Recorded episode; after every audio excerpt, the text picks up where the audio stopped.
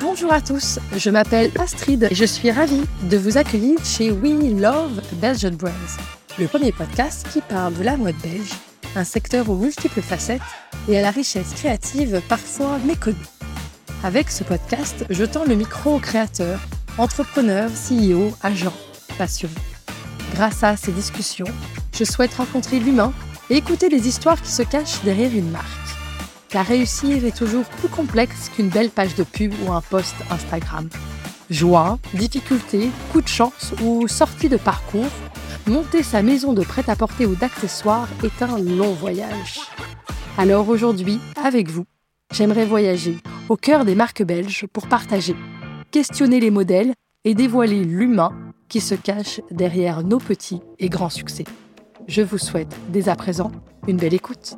Des lignes épurées, des volumes maîtrisés, des cuirs luxueux et déjà un logo iconique. Charlotte Baud et son univers ensoleillé proposent des sacs et des foulards qui sont aussi atemporels qu'exclusifs. Je ne vous le cache pas, j'aime bien le travail de Charlotte Baud et aller à la rencontre des marques qui m'inspirent, eh bien c'est un peu le cadeau que je m'offre avec ce podcast. Alors je ne m'en prive pas et pour cette interview, je suis dans la boutique showroom de Charlotte à la rencontre d'une femme et pour vous faire découvrir le parcours, les succès et les défis d'une créatrice dans la maroquinerie. Charlotte, bonjour. Bonjour. Alors, je commence toujours par cette première question. Est-ce que tu peux te présenter en quelques mots et de quel métier rêvais-tu faire quand tu étais enfant?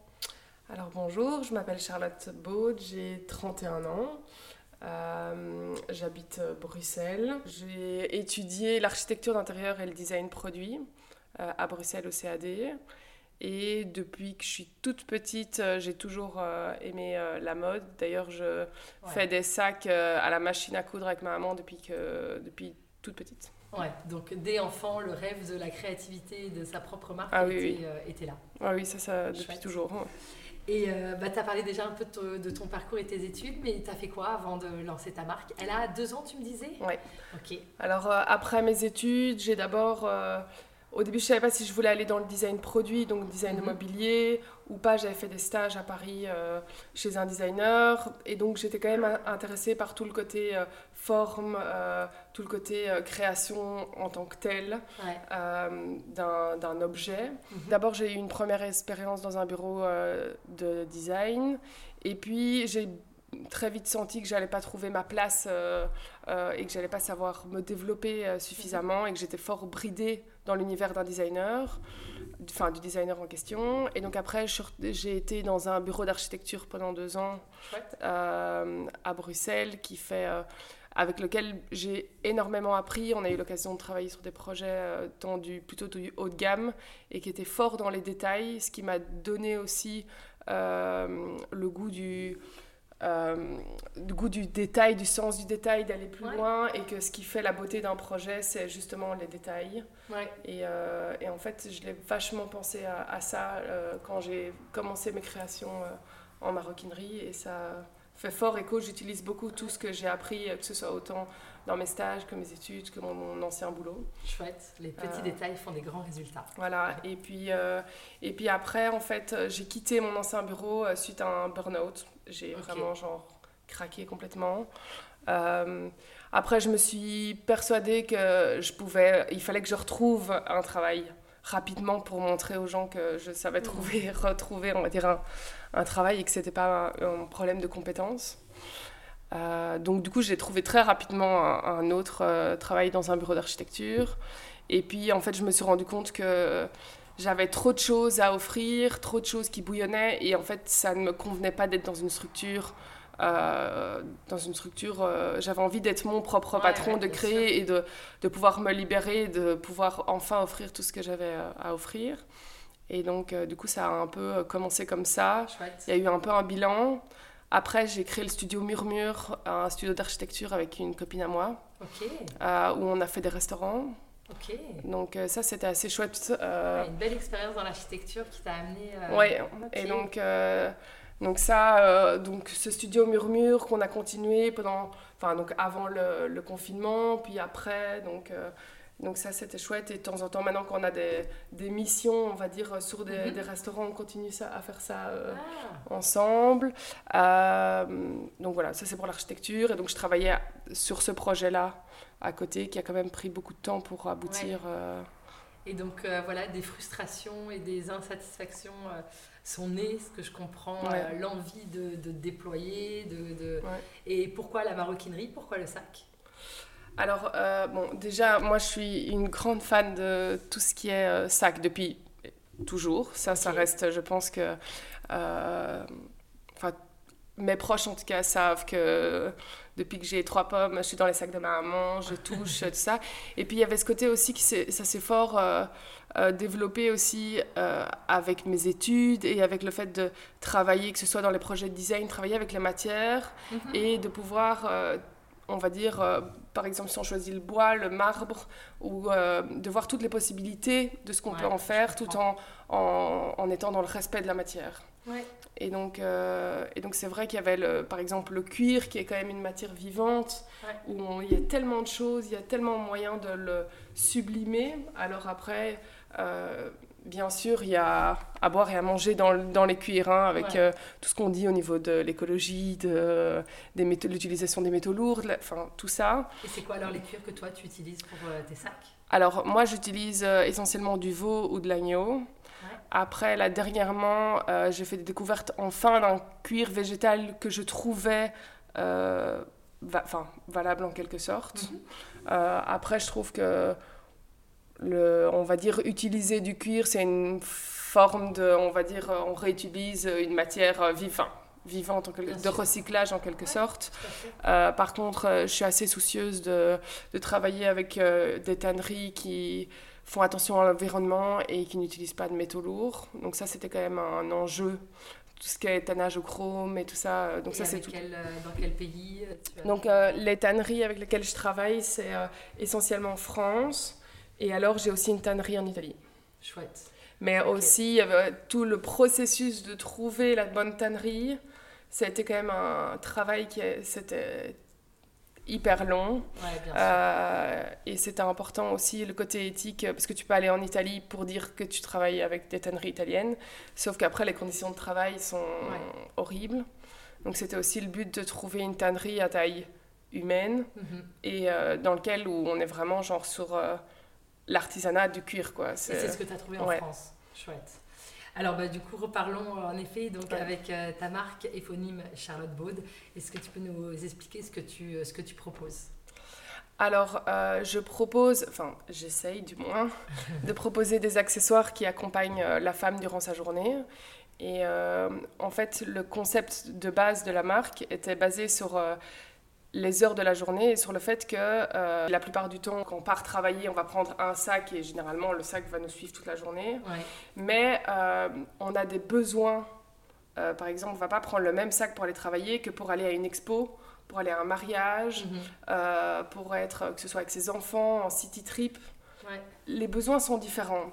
Et dans, en fait, au fil des heures de la journée, les, on pourrait associer ça à des moments ou à des situations.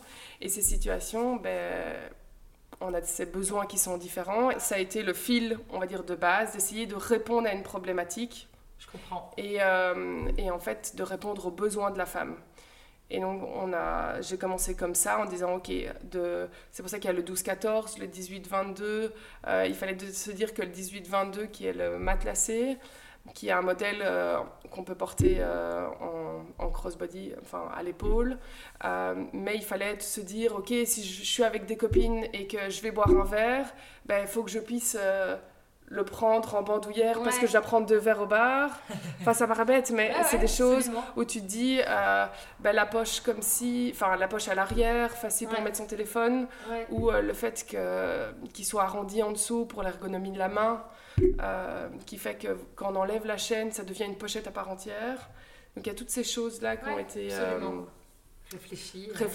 le, enfin, l'iconique de la marque qui, est le 12-14. Il y a deux soufflets, donc on peut mettre des choses à l'avant et à l'arrière.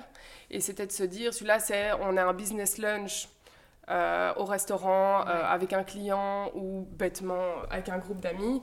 Il y a des choses qu'on n'a pas toujours envie de montrer si on va aux toilettes par exemple ou euh, où il y a des choses qu'on a envie de garder cachées près de soi. Ou pas forcément ou parce qu'on va pas les utiliser toute la journée. Et donc c'était aussi ce côté de pouvoir mettre des choses des, enfin compartimenter en fait en quelque sorte sa vie de ce qu'on veut en montrer. Et c'était aussi de se dire on n'a pas toujours envie de euh, montrer euh, un logo ou quelque chose, quelque chose comme ça, et, euh, parce que là, le fermoir est quand même fort présent. Et donc, le fait d'avoir deux soufflets, ça permettait d'être réversible aussi, et de pouvoir se dire dans certaines situations, ben, je préfère être plutôt dans la discrétion parce que je suis dans un jour comme ça. Et puis, il y a des jours où je suis enjouée et j'ai envie de dire, ben, je, suis bien. Et Le fermoir qui a vraiment un côté bijou. Comment tu as travaillé ce, ce logo d'ailleurs? Alors, j'avais une idée bien précise de ce que je voulais. J'avais pas envie de quelque chose, euh, on va dire, je vais appeler ça mode. Euh, je voulais quelque chose qui reste dans le temps, qu'on ait l'impression quand on le voit qu'il y a dix ans, il aurait pu exister, mais que dans dix ans, il pourrait exister encore. L'intemporel. Voilà, on va dire ça comme ça. Enfin, oui. Oui, c'est un peu ça. On essaye d'aller, mais en tout cas, c'était le but. Et j'avais pas envie d'être sur un truc. Euh, fort, triangle, carré, euh, enfin qui est fort dans l'air du temps, on va dire, plus aujourd'hui. Mais moi, c'était pas ce que, ce que je voulais parce que je pars sur, on va dire, des modèles qui sont plutôt classiques et actualisés, quoi. Ouais, ouais, je comprends bien. Aujourd'hui. Donc, euh. Ouais. Super, bah écoute, ça, ça, a beaucoup de, beaucoup de sens. Comment tu. Et c'est réussi? Parce que je le, trouve, euh, je le trouve vraiment joli. comment tu définirais ton, ton ADN, tu vois, ton, ton identité de marque en, en plusieurs mots? Je dirais simple mais forte. Euh, dans le sens où euh, le but de mes produits, c'est que ce soit pas, on ne soit pas dans quelque chose de tape à l'œil bling bling, c'est pas c'est pas le but, mais c'est quelque chose où tu peux être habillé tout en noir ou habillé jeans t-shirt, tu mets juste le sac. Il a suffisamment de force que pour ressortir et de mettre un petit coup de un petit coup d'éclat, je vais dire ça comme ça. Euh, ou que ce soit les foulards, tu peux être habillé super simplement et c'est juste la petite touche, le petit accessoire qui fait ressortir, qui apporte de la couleur et qui est moderne, dans les, que ce soit les foulards en soi par exemple. Mhm. C'est une chose qui est vachement, on va dire, qui a vachement été mise de côté, qui est plus, euh, enfin, ces dernières années, mhm. alors que c'est un accessoire que tu peux garder toute ta vie. Là, le but c'était de se dire, on, est, on va sur quelque chose de coloré, d'actuel. Euh, moderne. Moderne en fait. Mais, euh, Et donc du coup, en effet, pour euh, revenir sur ce que tu proposes, donc tu as les sacs, et là tu as combien de modèles de sacs? Alors en modèle de sac, je pense qu'on est sur 5 modèles, si je ne me trompe pas. Avec plusieurs déclinaisons de couleurs. Avec plusieurs déclinaisons de couleurs, en fonction des saisons, donc je rajoute des couleurs. Après, quand j'ai démarré, le but c'était de se dire je propose, par exemple, euh, je pense quatre ou cinq couleurs. Et le but, c'était de se dire, euh, on essaye toujours dans un, dans un côté intemporel, de démarrer sur des couleurs, euh, des valeurs en quelque sorte sûres, que tu es sûr de pouvoir poter autant l'été que l'hiver. Parce que c'est ça le but aussi, je trouve que aller faire des couleurs très mode et tout, c'est bien. Mais alors, on s'approche de la fast fashion dans le sens où est-ce que dans ta consommation, est-ce que c'est tellement intéressant de Enfin, voilà, ça c'était un, point de vue. voilà, est-ce que tu vas pas te lasser? Et puis après, c'est vrai que quand tu commences, tu te dis, bon, vaut mieux aller sur des valeurs en quelque soit sûres. Et c'est toujours délicat hein, de savoir dans quelle mesure tu as besoin de couleurs fortes ah pour, pour attirer l'œil et pour justement aussi avoir quelque chose d'un peu spécifique, un peu d'unique à, à proposer. Et dans quelle mesure tu veux aussi être un peu safe, comme tu dis, et te garantir ah oui, et puis, euh, avec du noir. Et, et puis, t'as beau être, je veux dire, t'as beau être créative et tout ça, je le vois bien aujourd'hui quand on me dit. Euh, oui, donc euh, on a besoin de ta collection, comme mon agence de presse avec qui je travaille euh, me dit oui, on a besoin de tes collections euh, hiver de l'année prochaine. Et qu'après, tu es devant, ton, devant tes, on va dire tes, créations et tu dis ok, donc quelle couleur pour l'année prochaine Et tu te retrouves avec ce dilemme parce que tu es. Enfin, je veux dire, t'es pas Madame Irma. Voilà, t'es pas Madame Irma. Et donc, tu es un peu là, genre, ok, qu'est-ce qu'on a envie pour l'année prochaine? J'achète rarement des magazines de. Enfin, les magazines et tout ça de mode ou les trucs avec les. J'aime pas trop m'inspirer, tout. Enfin. De ce qui se passe. De ce, qui, se passe. Donc, je préfère aller euh, voyager, me balader, euh, voir un peu et te faire au feeling que trop. Euh, ouais, ouais. que trop copier, que trop regarder, parce qu'en fait, même si indirectement, tu seras d'office... influencé. Influencé, quoi. Et où est-ce que tu voyages pour t'inspirer? Vraiment, je suis entre ville et nature. Hein. Moi, mhm. c'est fort... J'aime autant les grandes villes qui m'inspirent énormément que me balader en campagne euh, ou en forêt. Je suis assez caméléon, euh, je pense, dans, dans ma manière de, de, voyager. Je pense que autant on peut aller faire quelque chose d'assez route, euh, même, je sais pas, moi, tente ou je sais pas, c'est autant ça, ça m'anime et tu peux trouver full. full inspiration dans, par exemple, dans les choses qui nous entourent et dans la nature ça m'arrive souvent de quand je suis en vacances et que j'ai mon petit livre Pantone mhm, mhm. et que euh, par exemple en été c'est assez fort euh, ou au printemps, parfois il y a des champs de lavande ou des ah, choses comme ça. Je m'amuse à essayer de trouver avec mon Pantone en fait, les couleurs, de repiquer les couleurs, par exemple, de la petite fleur, de la petite. Euh, de n'importe enfin voilà de, de l'eau d'une certaine eau et je prends après en photo à côté ouais, chouette. et puis quand tu arrives au mois d'octobre et que tu n'es plus du tout au mois de juillet, c'est fou comme quand tu mets ça après en application, tu te dis, c'était vraiment cette, couleur, c'était vraiment cette couleur-là. Il y a tellement des choses qui matchent. Quand tu regardes un paysage et ton inspiration, elle est là, dans la nature, ça match naturellement et il y a une raison à tout ça. Chouette, hyper, euh, intéressant. Euh, je reviens à des choses un peu plus pragmatiques, oui. mais c'était euh, super, euh, super joli à écouter.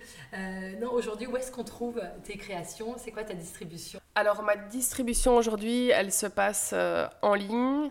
Elle se passe aussi au magasin à Bruxelles. C'est rue de la Réforme, numéro 34 à XL, donc près de la place Bruckmann. Très bel espace, chouette boutique. Oui, c'est très sympa. non, non. Euh, c'est une sorte de petit cocon euh, que j'ai essayé de créer euh, un peu comme un boudoir et ça a vachement. J'avais envie de créer un endroit dans lequel on a, j'allais créer un relationnel avec la cliente. Mhm. Parce que je pense que dans le, je sais pas si on peut appeler ça le luxe, enfin dans ce que je fais, il y a quand même un rapport à l'humain qui est quand même important. et il y a quand même euh, derrière la marque tout un univers que j'ai envie de faire partager aussi. Mhm. Et je pense que l'espace se prête bien pour, euh, pour ça et c'était important.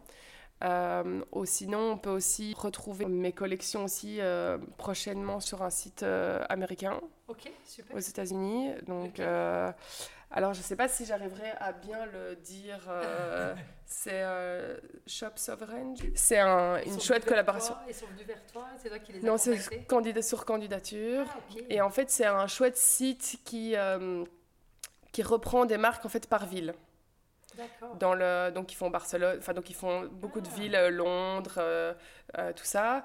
Et, et, chaque fois ils sélectionnent, on va dire, des marques euh, on va dire, qu'ils trouvent euh, intéressante. Et, mhm, euh, mhm. et en fait, c'était pour la première fois, une, on va dire, un, un shop en ligne que je trouvais de, avec une sélection intéressante, de qualité et cohérente. Et, et, donc, et ils n'ont pas encore de marque belge. D'accord. Donc du coup, je serai la première marque belge sur leur site. et donc euh, ils achètent ou c'est des pièces euh, qu'ils auront Alors on, euh, ça, soit ils font, en fait, ils ont leur, je mets mon shop en ligne sur le leur et et donc après ils font ils font des pop-up en là ils vont faire des pop-up aux États-Unis. Et ils en ont fait un à Paris, à Londres l'année dernière. Et donc en Belgique, bah, donc on peut te trouver sur la boutique à Bruxelles, rue de la Réforme online, tu disais. Oui. Et... et, après, je continue à faire des, des pop-up et tout ça. Mhm. Euh, je travaille plus dans, dans des multimarques et tout ça parce que le but, c'est, enfin, étant une marque qui produit essentiellement en Europe et, euh, et si je veux rester avec, on va dire, des prix qui restent accessibles, euh, ça me semblait euh, plus judicieux en fait de le faire en, on va dire en direct. Est-ce que tu peux donner un peu les, ta gamme de prix justement? Alors euh, pour tout ce qui est sac, on va de 460 euros à 1270 euros pour le plus cher. Euh, donc ça, et puis pour les foulards, on démarre à 45 euros et on peut aller jusqu'à 350 euh, pour les plus grands qui font 1m40 sur 2 mètres. donc, et puis après, on a, on a le prêt-à-porter qui rentre maintenant. Ah. Et, euh, et, donc, il y aura des choses entre, euh, on va dire, euh, entre 100 euros et 300 euros dans les pièces. D'accord. Et alors, donc, tu développes en plus de, des sacs. et alors, est-ce que tu peux en dire plus? C'est quoi ce que tu vas développer en, prêt-à-porter? Alors moi, je, je, sais que généralement, je prends un peu le, la marque à l'envers. Je sais que d'habitude, les marques commencent par le prêt-à-porter et vont vers l'accessoire. Euh, là, euh, j'ai créé d'abord une première chemise. Et puis là, pour la collection de cet été, il va avoir euh, deux robes, une jupe et un top. Là, on est sur collection en soie aussi, 100% ah, soie pour, pour toute la collection. Donc ce sera des collections assez colorées. il y en aura un peu pour toutes les morphologies, toutes les, toutes les tailles et tout ça. Donc ça, c'est assez chouette et d'essayer d'être euh, toujours dans... Le top va être assez modulable, on va pouvoir autant le porter de manière euh, avec un jeans pour aller manger un petit resto avec ses, enfin, avec ses copines ou n'importe quoi, enfin avec n'importe qui, mais euh, voilà, que avec une jupe et de le compléter et que ça en fasse par exemple une tenue presque enfin, pour un cocktail, un mariage et tout ça. Génial. donc voilà. Et ça, ça sort quand? Ça, ça sort au mois d'avril. Super, ok, très bien, très bien. Euh, c'est quoi les, les, milestones, les, les, moments clés euh, que tu as vécu dans, avec ta marque sur ces deux dernières années? Alors, euh, on va dire que le lancement déjà a été... Enfin, en fait, on parle des moments clés depuis qu'elle a démarré, mais en fait, il y a tellement de, de hein. points avant qui sont tellement forts. oui, trouver la tannerie, comme tu disais, trouver oui, Et puis, il y a toute la partie prototypage, du, par exemple, de démarrer aussi, d'arriver, de te dire ok, on lance la production. Le tout premier où tu te dis là, ok, on est, on est d'accord, on peut lancer. Ça, je trouve que c'est déjà vachement, euh, vachement fort déjà. Absolument. Et puis. Euh, c'est une prise de risque, hein, c'est un, saut, euh, un saut dans l'inconnu. Et puis, tous ces, ces, moments, ces shootings, par exemple, chaque shooting aussi fait partie, ça paraît bête, mais les, quand tu as tout qui est fini, ton site qui est en ligne et tout ça, là, c'est, ça, c'est déjà le premier, quand tu mets en ligne, que tu démarres ça déjà c'est un des moments euh, je trouve super euh, super, clé. Et puis sinon euh, je vais dire que la quand j'ai lancé le showroom ça a été aussi un depuis quand tu l'as? Donc là ça fait depuis le, depuis un an enfin en décembre l'année dernière. Et donc c'était quand même vachement bien parce que ça permettait il y a beaucoup de clients qui, euh, qui voulaient voir en vrai, pouvoir toucher, surtout quand euh, j'utilise quand même des super cuirs, j'essaie d'être vachement dans la finition. Mm. Et donc, euh, du coup, ça permettait vraiment de faire rentrer les clients et de permettre dans mon univers et de pouvoir toucher. Donc ça, c'était vachement, vachement bien et je suis vraiment contente de, de cet espace. donc ça, donc ça c'était pour l'étape. Et puis après, la troisième étape, c'est de, d'avoir accès à l'étranger. voilà. Un développement international, c'est évident. Parce qu'on fait des si belles choses en Belgique qu'on a envie de le partager un peu avec tout le monde et je trouve que... C'est vrai. Et, euh, et c'est quoi tes défis aujourd'hui? Aujourd'hui, euh, c'est avec euh, tous les problèmes, dans enfin on va dire problèmes économiques dans le monde aujourd'hui, mm-hmm. d'essayer de, de, de continuer à avancer créer une marque euh, avant et après le Covid, c'est pas la même chose. et euh, c'est vrai qu'il y a tout un développement, euh, enfin le champ, enfin toute l'évolution est vachement différente. On va vers quelque chose de, on va vers un peu l'inconnu parce que on sait pas de quoi demain sera fait. Mhm. d'essayer de rester juste dans les prix en sachant qu'il y, a des, il y a des augmentations avec les, les coûts des matières premières, tout ça. donc le défi, c'est de, oui, de continuer à se développer, de faire grandir la marque et de pouvoir euh, trouver des gens qui vont pouvoir m'épauler dans, euh, euh, dans la marque. Et puis, et puis après, ouvrir une, on va dire, une, peut-être une boutique, on va dire, dans une zone plus, enfin, plus commerçante, on va dire, comme ça. ou, ou même ouvrir une boutique en Flandre. Mm à Anvers, ce serait, j'aimerais bien. Ce serait super. Euh, donc je commencerai d'abord par un pop-up. voilà. Mais euh, donc voilà, continuer à me développer et, euh, et voilà. Génial, bah, c'est des, des, beaux défis à relever. Qu'est-ce que tu conseillerais à quelqu'un qui démarre justement là maintenant, après Covid, comme tu fais remarquer dans la maroquinerie? C'est quoi les choses que tu aurais voulu savoir par exemple? Ben, Je savais que ça allait être dur et long je pense déjà d'être enfin, d'être passionné et de savoir que ça va être déjà que ça va être dur. Si tu le fais mais que tu n'es pas à 100%, ça sert à, enfin ça sert à rien quoi parce que c'est parce que c'est beaucoup d'investissement euh, personnel, c'est beaucoup d'investissement euh, euh, financier, ça reste quand même quelque chose d'important et, et que ça reste une et ça reste aussi quand même une insécurité tu rentres dans un système où tu n'es plus, tu n'es pas employé, tu n'es pas. Donc c'est des choses, voilà. Mais après, c'est prendre le temps de le faire et quand on fait les choses, d'aller le plus loin possible dans le détail que ce soit de le faire, euh, que ce soit au niveau du packaging, de tout ça. De que si tu crées une histoire, déjà avoir une bonne histoire à raconter et, euh, et d'aller au bout des choses. Ouais. Et pas d'être trop euh, brouillon en disant on verra ça plus tard. Et la communication, ouais, ça c'est hyper important. Comment Il y a tu beaucoup... fais toi pour la communication? C'est quoi Moi, pour, au tout démarrage, j'ai une copine à moi qui m'a aidé à à me structurer dans la mise en place, que ce soit du site web, de, on va dire de comment lancer, faire le shooting et tout ça, parce qu'au début, euh, tu dis ok, je dois faire un shooting pack shot, euh, je dois faire un shooting euh, tout ça, et en fait, toi, toi, tout est nouveau, ouais. toi, tu fais des plans sur de cuisine de base, donc donc c'est un peu, donc cette personne m'a beaucoup aidé. De, de, cette manière-là à pouvoir me montrer. Donc maintenant, il y a des choses que, que, que je fais fort seul, on va dire en quelque sorte. Après, je travaille avec une agence de presse, mhm. Turbulence, euh, qui est une très chouette agence. Euh, qui te permet d'avoir de la visibilité dans, dans les magazines, dans la presse. Et en fait, qui me permet de, de, toucher, on va dire, aussi une cible différente, qui est... Euh, parce que c'est vrai que notre génération est, ne lit plus, est plus tellement au niveau de la presse écrite, papier un peu moins, enfin je pense que, voilà. Et je pense que c'est important de compléter euh, la visibilité parce que je pense que effectivement aujourd'hui il faut vivre avec son temps qui est le digital et, donc tous les réseaux sociaux et tout ça, donc ça c'est important. Mais euh, il reste une clientèle euh, aussi qui aime lire son journal et tout ça, donc ça c'était important aussi. Et tu as l'impression peut-être aussi avec tes sacs euh, notamment grâce à ce panier moyen euh, entre 450 et 1200 euros, euh, que tu t'adresses peut-être aussi à cette clientèle. Oui, voilà, c'est ça. Ouais. Super intéressant. avec We Love Belgian Brands, on parle de mode belge. Est-ce que tu as une opinion, une définition pour toi de la mode belge? Est-ce que c'est important pour, pour, ta, pour ta marque d'être une marque belge? Alors, moi, je suis fière d'être belge, donc du coup, en fait, je pense que naturellement, euh, je suis fière, on va dire que ce soit une marque belge. Mhm.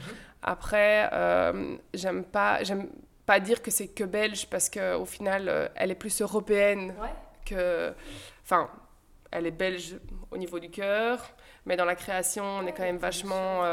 le but, c'était vraiment de mettre, de travailler avec des artisans pour, enfin, mettre en avant des artisans, on va dire, dans, on va dire. Et c'est vrai que je veux dire qu'en France, euh, ou des choses comme ça, ben, j'ai trouvé des personnes, et c'était au niveau du relationnel, ça aurait pu être pas forcément, j'ai pas vraiment voulu aller que en France parce que ça a été le contact et tout. Enfin, mais euh, parce qu'on pourrait me dire, oui, mais pourquoi tu produis pas tout en Belgique?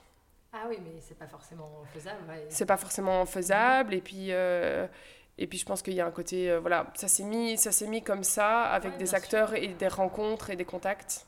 Mais en tout cas, oui, fier d'être une marque euh, de belge, ça en tout que cas. Ça signifie? D'être une marque belge? Ou est-ce que tu as une, une, une, définition, une opinion sur ce qu'est la mode belge aujourd'hui? Ben, Je pense que c'est aussi une, AD... enfin, je pense que c'est une ADN. Tu sais, reconnaître, euh, tu sais reconnaître un belge quand tu le vois, quand tu lui parles, enfin, ça paraît... Souvent, on, dit, euh, on peut dire euh, un, un, souci d'exigence, un souci de détail. Oui, et puis oui. Et pas forcément dans le côté tape à l'œil. Non, absolument. On est plutôt dans la... C'est plutôt... La marque belge, c'est plutôt sobriété, discrétion. discrétion et tout ça, avec une petite pointe de en temps de, de un folie. peu de, folie et tout ça. Ouais, de euh, surréalisme, d'humour. Et je pense que la Belgique aussi a besoin d'être dépoussiérée un peu et, de, et je pense qu'il y a complètement la place pour des, des jeunes marques qui, euh, un peu, qui ont envie de... Voilà, il n'y a pas que des artistes musicaux qui peuvent euh, prendre un peu la, place... à l'international. À l'international, voilà. c'est vrai, tu as, raison de, as raison de dire ça. On va de... Je te souhaite de devenir le Angèle euh, du sac. Oula, on a un peu le temps. Je me le souhaite aussi, mais je pense que... Voilà. Mais comme tu faisais remarquer, euh, patience euh, est un élément clé. Ah oui. donc, en effet. donc, en effet, dans tous ces gens inspirants dans la mode belge, est-ce que tu penses à, à quelqu'un que tu souhaiterais écouter à ce micro Alors, moi, c'est pas tellement, on va dire, des personnes reconnues qui, que j'aimerais écouter, mais peut-être plutôt des personnes qui sont derrière la scène en quelque sorte. Et donc, les personnes qui produisent, mhm. qui sont les petites mains au final, avec qui, ben, sans eux, la marque n'existerait pas. Je suis d'accord. Et, euh, et, je pense qu'il y a tous ces acteurs en fait qui créent une marque, euh, que ce soit dans la production, de comment ils vivent. Euh, est-ce que c'est dur? Est-ce que leur point de vue en termes du souci du détail, de leur ressenti par rapport au fait d'être en, caché, dans l'ombre. Et ah, la production, c'est un métier assez ingrat, t'as raison. C'est beaucoup, euh, beaucoup de, de, lutte pour. Euh, S'ils le vivent bien ou pas, si les conditions, si au final. Et t'as euh, quelqu'un en tête avec qui je pourrais. parce que je trouve que c'est un sujet passionnant, je te remercie. J'adore l'idée de la production. Je trouve que c'est aussi un angle des métiers de, de la mode qui, que je souhaite mettre en lumière. Euh, donc si tu penses à quelqu'un, ça m'intéresse. Mais euh, notamment donc une personne avec qui euh, j'ai travaillé sur les premiers patronages de, de mes chemises qui s'appelle Koen Vermeisen. Ok. et donc... Et c'est une personne qui travaille vraiment dans le souci de détail, avec un vrai savoir-faire. Et donc, c'est. Ok, et eh bien super, avec plaisir de, de, pouvoir le contacter parce qu'en effet, je trouve que la, la, production est un vrai, un vrai sujet de, de l'ombre et, et, pourtant, tu as raison, euh, il n'y aurait pas de produit final euh, sans, sans un bon suivi de, de production. Oui, et puis aujourd'hui, avec tout ce qui se passe dans la production, euh, toujours la main-d'œuvre moins chère, donc du coup, il faut quand même combattre avec entre le Portugal et, et l'Asie et tout ça, ou enfin, l'Asie et autres pays, hein, mais c'est compliqué de de subsister, enfin d'encore exister, d'essayer de survivre au milieu de... toute cette concurrence. Oui. Absolument. Écoute, je te remercie beaucoup Charlotte. Est-ce qu'il y a autre chose que tu voudrais rajouter ou préciser? Euh, que j'invite en tout cas tout le monde à passer s'il a envie de discuter ou euh, euh, s'il a que ce soit des questions ou envie de partager. Moi, je trouve ça toujours. En tout cas, ma boutique est là pour ça. Ouais. C'est un espace ouvert au, public. Voilà. Et puis de toujours de croire en ses rêves et d'oser. Je pense qu'on vit qu'une fois et que et que du coup, euh, allons-y quoi. Absolument. Enfin, allons-y dans la manière du possible en tout cas, mais euh, voilà. J'aime bien cette, euh, cette croyance que je nourris moi-même, qui ose gagne. Voilà. Donc quand on ose, on gagne forcément. Peut-être pas à tous les coups, mais au final, on gagne. Après, ça arrive aussi, oser, ça veut dire aussi prendre le risque de, de se planter. Enfin, ah, sûr, de se hein. planter, mais ça anime, enfin, moi, ça m'anime tellement plus que que de rester, euh, de, si j'avais pas osé, et rester dans la sécurité. Euh. Super. Voilà. Bah, merci pour cette leçon euh, inspirante. Merci à toi. Et, et, pour tout ce que tu nous as partagé sur l'industrie de la maroquinerie. Voilà. Merci. À bientôt, Charlotte. À bientôt.